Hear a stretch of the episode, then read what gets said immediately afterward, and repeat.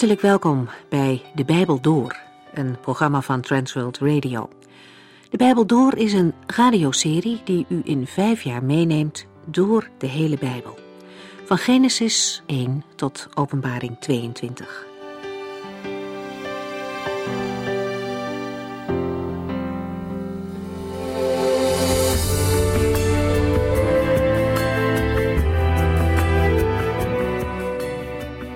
Vandaag luisteren we weer verder naar de Bijbeluitleg over handelingen. Het lijkt ons vaak zo vanzelfsprekend om dat in alle vrijheid te kunnen doen. We zijn dat zo gewend. Maar juist het boek Handelingen bepaalt ons sterk bij het lijden van de gelovigen. Over de hele wereld worden nog zoveel mensen beknot in hun vrijheid om te geloven of om samen te komen. In handelingen zien we ook veel situaties waarin de haat en afkeer van het christendom naar voren komt. En toch zijn mensen dwars door alles heen trouw gebleven aan de Heer Jezus. Hij was voor velen meer waard dan het leven hier op aarde of dan hun bezittingen. En andersom zien we ook de trouw van de Heere zelf naar de vervolgde christenen. Hij kijkt naar hen om, zoals hij beloofd heeft. Dat geldt voor nu net zo als voor toen. De Heere is niet veranderd. In het gedeelte van de vorige keer zagen we dat het leven van Paulus en Silas opnieuw gevaar liep. Ze werden in Filippi opgepakt en in de gevangenis gezet. En toch waren deze mannen, die in boeien geslagen in een cel zaten, vrij. Ze kenden een vrijheid in hun hart die boven die boeien uitsteeg. Midden in de nacht brachten ze het zelf op om te zingen en te bidden. En het gevolg was enorm. Dat hadden ze nooit kunnen vermoeden. Er kwam een grote aardbeving en alle boeien raakten los. We hebben gelezen over die gevangenisbewaarder, die dacht dat zijn leven niets meer waard was, dat hij gevaar liep omdat hij de ontsnapping van de gevangenen met zijn eigen leven zou moeten betalen. En gelukkig houdt Paulus zijn mond niet en hij roept de man. De gevangenbewaarder vraagt om licht als hij naar binnen gaat, en dat krijgt hij, maar niet alleen letterlijk. Paulus vertelt hem over het leven dat Christus geeft en de gevangenbewaarder komt met al zijn huisgenoten tot geloof. Die donkere plaats van gevangenschap en dood verandert als daar het licht van Christus gaat schijnen. Het brengt leven voor een man die dacht dat zijn laatste uur geslagen was. In dit hoofdstuk zagen we ook hoe God alle dingen, ook die hele moeilijke, mee laat werken in zijn plannen. Vandaag lezen we in Handelingen 17, waar Paulus en zijn reisgenoten nieuwe moeilijkheden wachten, maar waar ze ook opnieuw mensen kunnen bereiken met het evangelie.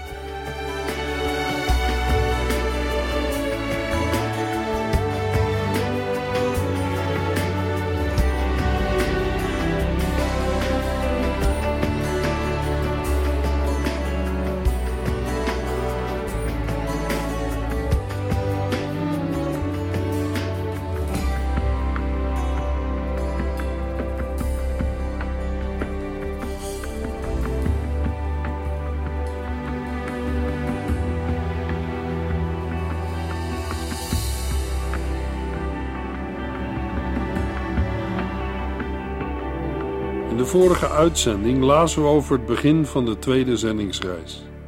Aan het slot van Handelingen 16 waren we getuigen van de bekering van de cipier uit Filippi. Samen met zijn huisgenoten werd hij gedoopt. In Handelingen 17 reist het zendingsteam van Paulus verder. Handelingen 17, vers 1. Ze reisden via Amphipolis en Apollonia naar Thessalonica, waar een Joodse gemeenschap was. Na hun vertrek uit Filippi trekken Paulus en Silas verder door Macedonië en volgen daarbij de al eerder genoemde Via Egnatia, de belangrijkste handelsroute van Macedonië, die de oostkust met de westkust verbindt. Ze reizen via Amphipolis en Apollonia. Amphipolis betekent omsloten stad. Stel je eens voor hoe ver Paulus moest lopen. Van Filippi waar hij een gastvrij onthaal vond bij Lydia, ging hij te voet de ruim 50 kilometer lange weg naar Amphipolis. Daarna nog een kleine 50 kilometer naar Apollonia en dan nog eens 60 kilometer naar Thessalonica. Hij liep langs de Romeinse hoofdweg, de Via Egnatia, die ook vandaag nog steeds op verschillende plaatsen is terug te vinden. In Amphipolis was geen synagoge. Daarvoor moesten de Joden en anderen naar Thessalonica.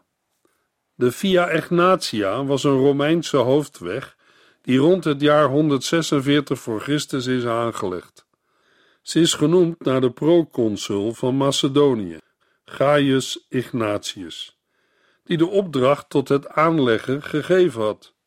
De weg liep door verschillende provincies die nu overeenkomen met het grondgebied van landen als Albanië, Griekenland, Macedonië, Bulgarije en Turkije.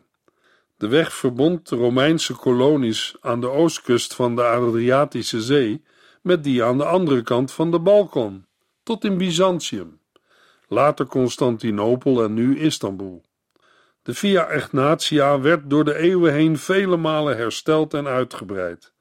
De weg bleef lange tijd een belangrijke handelsweg en was van groot strategisch belang voor het Byzantijnse Rijk. Bijna alle handel met West-Europa die over land werd bedreven ging langs deze weg. De weg liep van Dirhargium via Thessalonica naar Byzantium aan de Bosporus.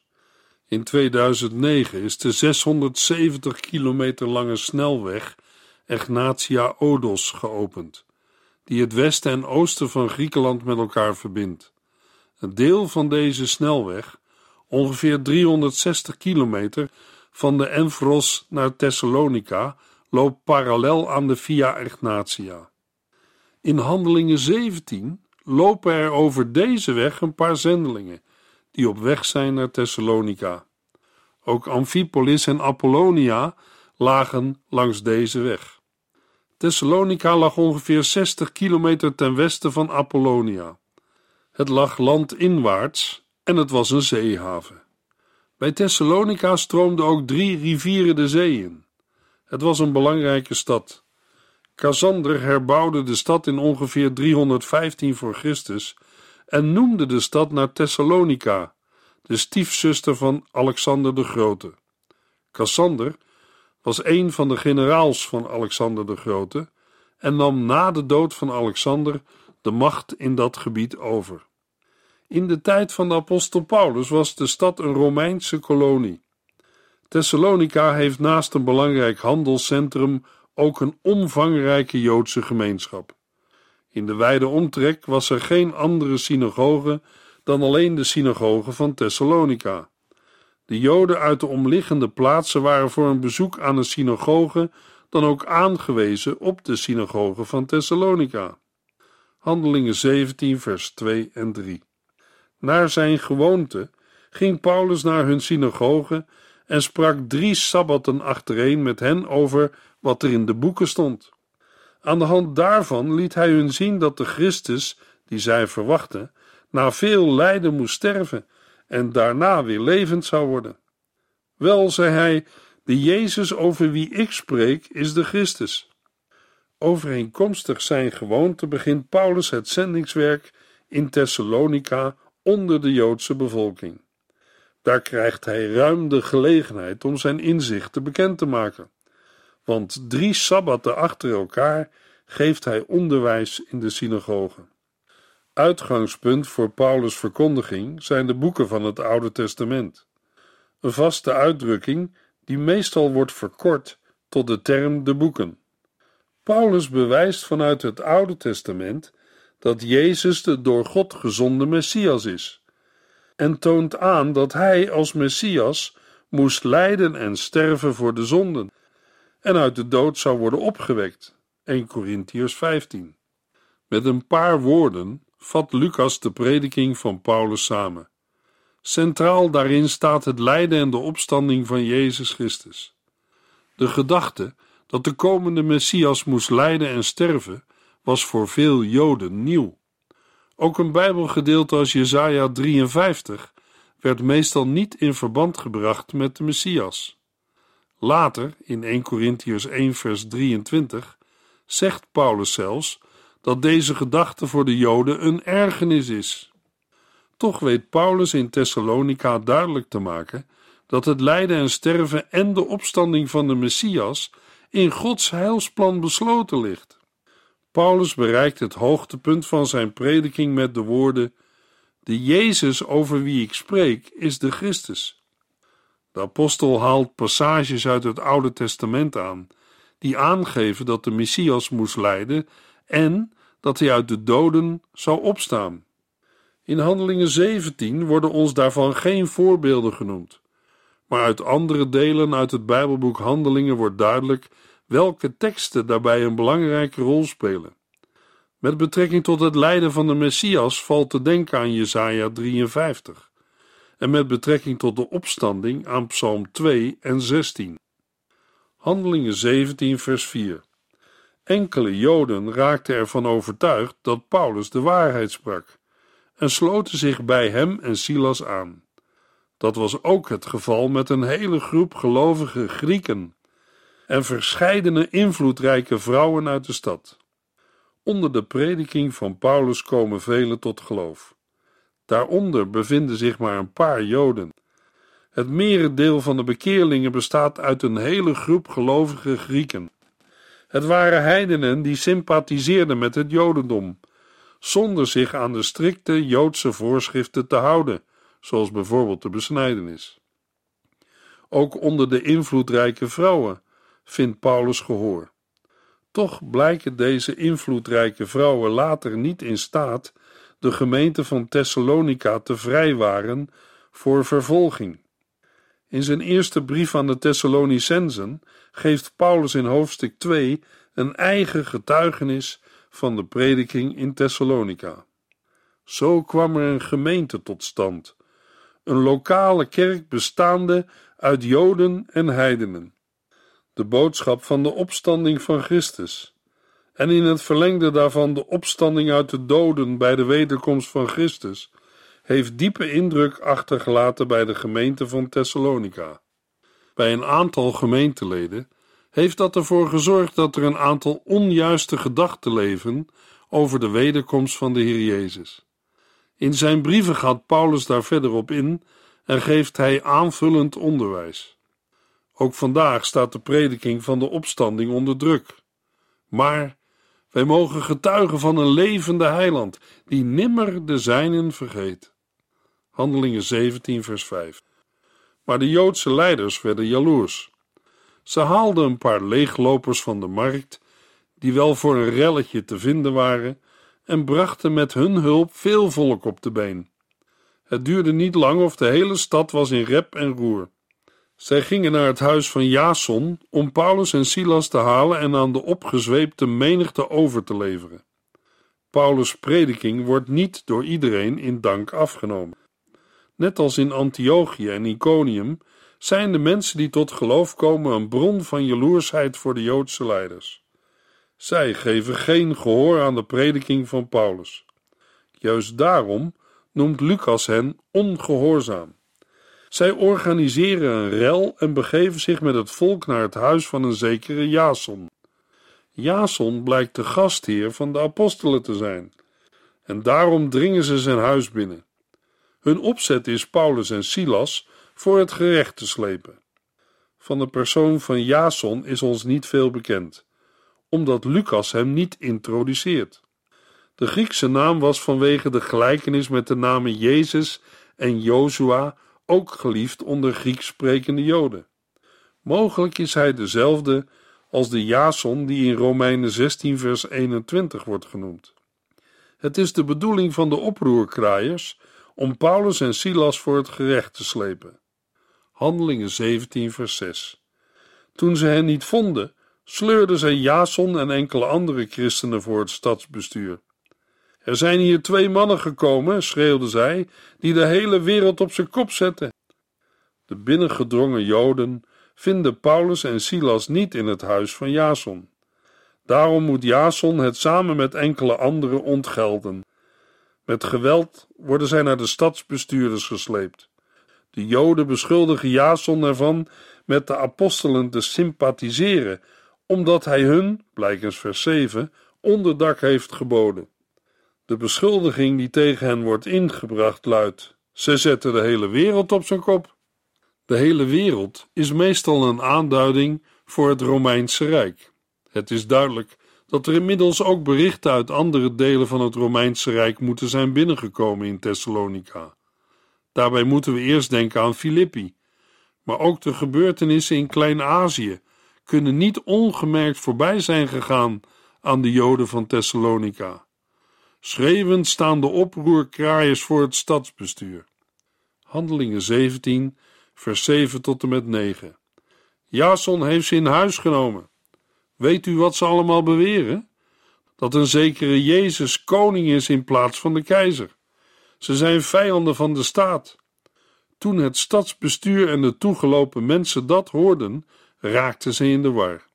Jason en de andere christen moesten eerst een borgsom betalen alvorens te worden vrijgelaten. Jason wordt beschuldigd omdat hij de apostelen in huis heeft genomen. Zij allen, zowel de afwezige Paulus en Silas als Jason en de broeders, worden beschuldigd van hoogverraad, omdat zij een andere koning verkondigen en daarmee de positie van de keizer in gevaar brengen. Het woord koning werd in het Grieks ook gebruikt als aanduiding van de keizer. Zij zeggen dat iemand anders de keizer is, namelijk Jezus. Opmerkelijk hierbij is wel dat deze woorden komen uit de mond van Joden. Zij waren in het algemeen wel het minst bereid zich aan de keizer te onderwerpen. Nu wekken zij de indruk, net als in Johannes 19, vers 12, trouwe onderdanen van de keizer te zijn en klagen de apostelen aan als opstandelingen. Als de Joodse woordvoerders hun beschuldigingen hebben geuit, reageren de stadsbestuurders en het volk met schrik. Ze raken helemaal in de war. Een dreigende revolutie zou niet alleen de positie van de stadsbestuurders in gevaar brengen, maar ook de stad zelf. De Romeinse overheid zou hen daarvoor kunnen straffen. In de gegeven omstandigheden kunnen de autoriteiten van de stad, bij gebrek aan bewijs, niets anders doen dan Jason en de zijnen weer vrijlaten. Want de personen tegen wie de eigenlijke aanklacht is ingediend, zijn niet aanwezig. Ze worden vrijgelaten, maar moeten wel een borg betalen. Het houdt ook in dat Jason er verantwoordelijk voor wordt gesteld dat herhaling van het gebeurde niet zal plaatsvinden. Daarbij zal het stadbestuur hebben geëist dat Paulus en Silas direct de stad moeten verlaten. Later schrijft Paulus dat hij meerdere keren naar Thessalonica heeft willen terugkeren, maar dat Satan hem heeft tegengehouden. 1 Thessalonicense 2 vers 18 Handelingen 17 vers 10 Zodra het donker was, brachten de christenen Paulus en Silas vlucht de stad uit en zeiden dat ze naar Berea moesten gaan. Om aan verdere rechtsvervolging en aan de woede van het volk te ontkomen, brengen de gelovigen van Thessalonica Paulus en Silas vlucht de stad uit en sturen hen naar een veiliger plaats. Hals over kop vertrekken zij in de nacht naar Berea, een stad in het derde district van Macedonië, buiten de machtssfeer van Thessalonica. Berea lag zo'n 55 kilometer verderop en was gemakkelijk binnen twee dagen te bereiken. Wanneer Paulus en Silas daar zijn aangekomen, gaan ze naar hun gewoonte eerst naar de synagoge om de Joden het evangelie te verkondigen. Handelingen 17, vers 11. Toen ze daar aankwamen, gingen ze naar de synagoge. De Joden daar waren niet zo bevooroordeeld als die van Thessalonica. Ze luisterden heel aandachtig naar hen. Elke dag keken ze in de boeken na of het waar was wat Paulus beweerde. In de synagoge van Berea wordt de evangelieprediking met grote openheid ontvangen, en daarin onderscheiden de Joden van Berea zich in positieve zin van die in Thessalonica. Zij nemen het gepredikte woord ter beoordeling aan en slaan de boeken erop na om na te zien of de dingen die Paulus verkondigt zo zijn zoals hij zegt. Daarmee zijn zij een voorbeeld voor alle gelovigen. De verkondiging moet altijd getoetst worden aan de Bijbel. 2 Timotheus 3, vers 16 en 17. In Berea zijn ze niet zo bevooroordeeld als hun volksgenoten in Thessalonica. In Thessalonica misgunden de Joden het heil aan de heidenen die tot geloof kwamen. In Berea was een oprechte belangstelling om het woord te horen en aan te nemen. Handelingen 17, vers 12 tot en met 14. Het gevolg was dat velen van hen in Jezus Christus gingen geloven. Onder hen waren ook veel invloedrijke Griekse vrouwen en mannen. Maar toen de Joden van Thessalonica hoorden dat Paulus ook in Berea over Jezus Christus sprak, gingen zij erheen om onrust te zaaien. Zij hitsten de hele stad tegen hen op. De christenen aarzelden niet en stuurden Paulus naar de kust, maar Silas en Timotheus bleven in de stad achter. In grote getalen komen in Berea mensen tot geloof in Christus, ook Joodse mensen. Er is nog geen werkelijke tegenstand en het evangelie kan in alle vrijheid worden verkondigd. In tegenstelling tot Thessalonica, waar maar enkele Joden de boodschap aannamen. Maar ook onder de niet-Joodse bevolking zijn er velen die zich bekeren, met name uit de welgestelde klasse. Van de groep bekeerlingen van Berea is ons nog maar één naam bekend. In Handelingen 20, vers 4 spreekt Lucas over Sopater, de zoon van Pyrrhus uit Berea, die deel uitmaakt van het reisgezelschap van Paulus. Zodra de Joden van Thessalonica ter oren komt dat Paulus zijn prediking heeft voortgezet onder de Joden van Berea, en dat nog wel met veel vrucht, stellen zij alles in het werk om het hem onmogelijk te maken. In deze benarde situatie mag Paulus rekenen op de steun en bescherming van de gelovigen. Handelingen 17, vers 15. De mannen die bij Paulus waren, brachten hem helemaal naar Athene. Toen ze weer teruggingen, kregen ze van hem het bericht mee dat Silas en Timotheus hem zo vlug mogelijk moesten nareizen. Eenmaal in Athene geeft Paulus aan zijn begeleiders een boodschap mee voor Silas en Timotheus, die nog steeds in Berea zijn. Hij geeft hun de opdracht zich zo snel mogelijk bij hem te voegen. 1 Thessalonicense 3 geeft aan dat Timotheus inderdaad naar Athene is gekomen. Vermoedelijk is Silas in die tijd in Berea gebleven. In Korinthe is het drietal in ieder geval weer compleet. Handelingen 18 vers 5. Handelingen 17 vers 16 tot en met 18. Terwijl Paulus in Athene op hen wachtte, viel het hem op dat er overal in de stad beelden van allerlei goden stonden. Dat stoorde hem. Hij ging naar de synagoge en sprak met de Joden en de andere gelovigen. Elke dag discussieerde hij op het marktplein met de mensen die daar toevallig waren. Hij raakte ook in discussie met enkele Epicureïsche en Stoïcijnse wijsgeren. Sommige van hen merkten schamper op: wat wil die praatjesmaker eigenlijk? Omdat Paulus over Jezus en zijn opstanding sprak, zeiden anderen: Het lijkt wel of hij ons in andere goden wil laten geloven. Athene bevond zich in de nadagen van haar bloeiperiode. In de vijfde en vierde eeuw voor Christus was de stad een wereldberoemd centrum geweest van filosofie, architectuur en kunst. Veel tempels en andere gebouwen herinnerden aan het glorieuze verleden van de stad en aan de artistieke kwaliteiten van de Grieken. Als Paulus in afwachting van de komst van Timotheus en Silas door de stad wandelt, is hij niet vol bewondering voor de Griekse cultuur, maar raakt er juist geïrriteerd door. Het zien van de vele afgodsbeelden in de stad stoorde hem. Het zijn voorwerpen die gewijd zijn aan de afgoden en daardoor in verbinding staan met demonische machten. 1 Corinthiërs 10 vers 20. Het Joodse geloof met één God en het verbod om van God afbeeldingen te maken staan hier in een schril contrast. In tegenstelling tot andere steden zoals Thessalonica en Berea, met een omvangrijke Joodse bevolking, was er in Athene maar een klein groepje Joden. En daaruit laat zich verklaren waarom Paulus vanaf het begin ook onder de heidenen evangeliseert. Hij laat geen tijd verloren gaan, maar grijpt elke gelegenheid aan om het goede nieuws te verkondigen. Op de markt raakt Paulus in discussie met een aantal Stoïcijnse en Epicureïsche wijsgeren. De Stoïcijnen waren leerlingen van een filosofenschool die gesticht was door Zeno, 300 voor Christus. Ze werden Stoïcijnen genoemd naar de plaats waar zij samenkwamen, de Stoa, een zuilengang.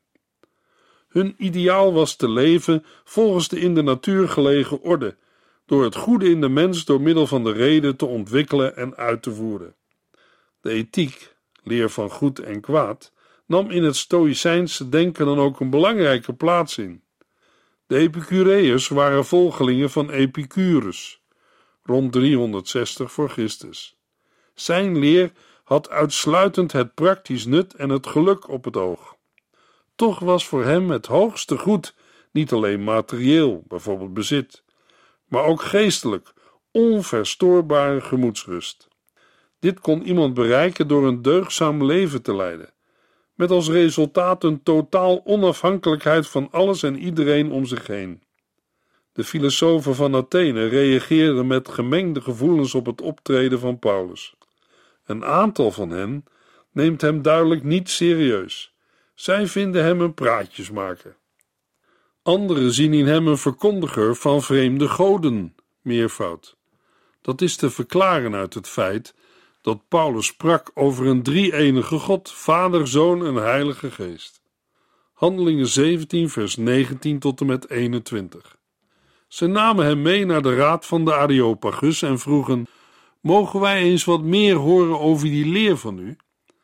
Want die is nieuw voor ons. We hebben u dingen horen zeggen die ons vreemd in de oren klinken. Wij zouden wel eens willen weten wat u daarmee bedoelt. De Atheners en de vreemdelingen in de stad hadden alle tijd om naar de nieuwste ideeën te luisteren en daarover te discussiëren. Om zich nauwkeuriger van zijn ideeën op de hoogte te stellen, nemen de filosofen van Athene Paulus mee naar de Areopagus. Het is hier niet zozeer een plaatsbepaling als wel een aanduiding van het rechtscollege dat op deze heuvel oorspronkelijk zitting hield. In Paulus' tijd kwam dit college, dat Areopagus genoemd werd, samen in de koninklijke zuilengang en het is waarschijnlijk dat Paulus daar naartoe wordt gevoerd. Deze raad was onder meer belast met het toezicht op voordrachten die in Athene werden gehouden en kon van gastsprekers, zoals Paulus, rekenschap vragen van zijn ideeën. Luisteraars, die bekend zijn met de geschiedenis van Athene, kan de sterke overeenkomst met de berechting van Socrates niet zijn ontgaan. In de volgende uitzending lezen we hoe het afloopt met Paulus op de Areopagus. We lezen dan zijn redenvoering in Handelingen 17.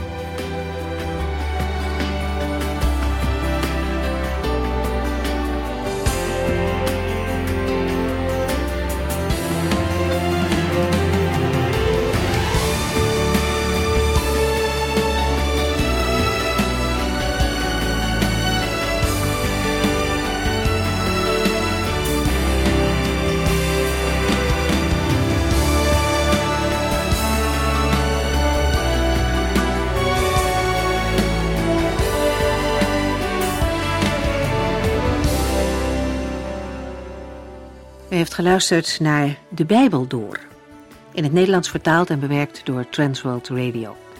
Een programma waarin we in vijf jaar tijd de hele Bijbel doorgaan. Als u wilt reageren op deze uitzending of u heeft vragen, dan kunt u contact met ons opnemen. Tijdens kantooruren kunt u bellen op 0342 47 8432. 0342 47 8432. 32. Ook kunt u een e-mail sturen naar de Bijbel door transworldradio.nl en natuurlijk kunt u ook via de post ons bereiken. TWR, postbus 371, postcode 3770, AJ in Barneveld. Dit programma werd gepresenteerd door Cor Weda en Ike André. Techniek was in handen van Odin van Woerdekom. En wij allemaal bedanken u voor het luisteren. Graag tot de volgende keer.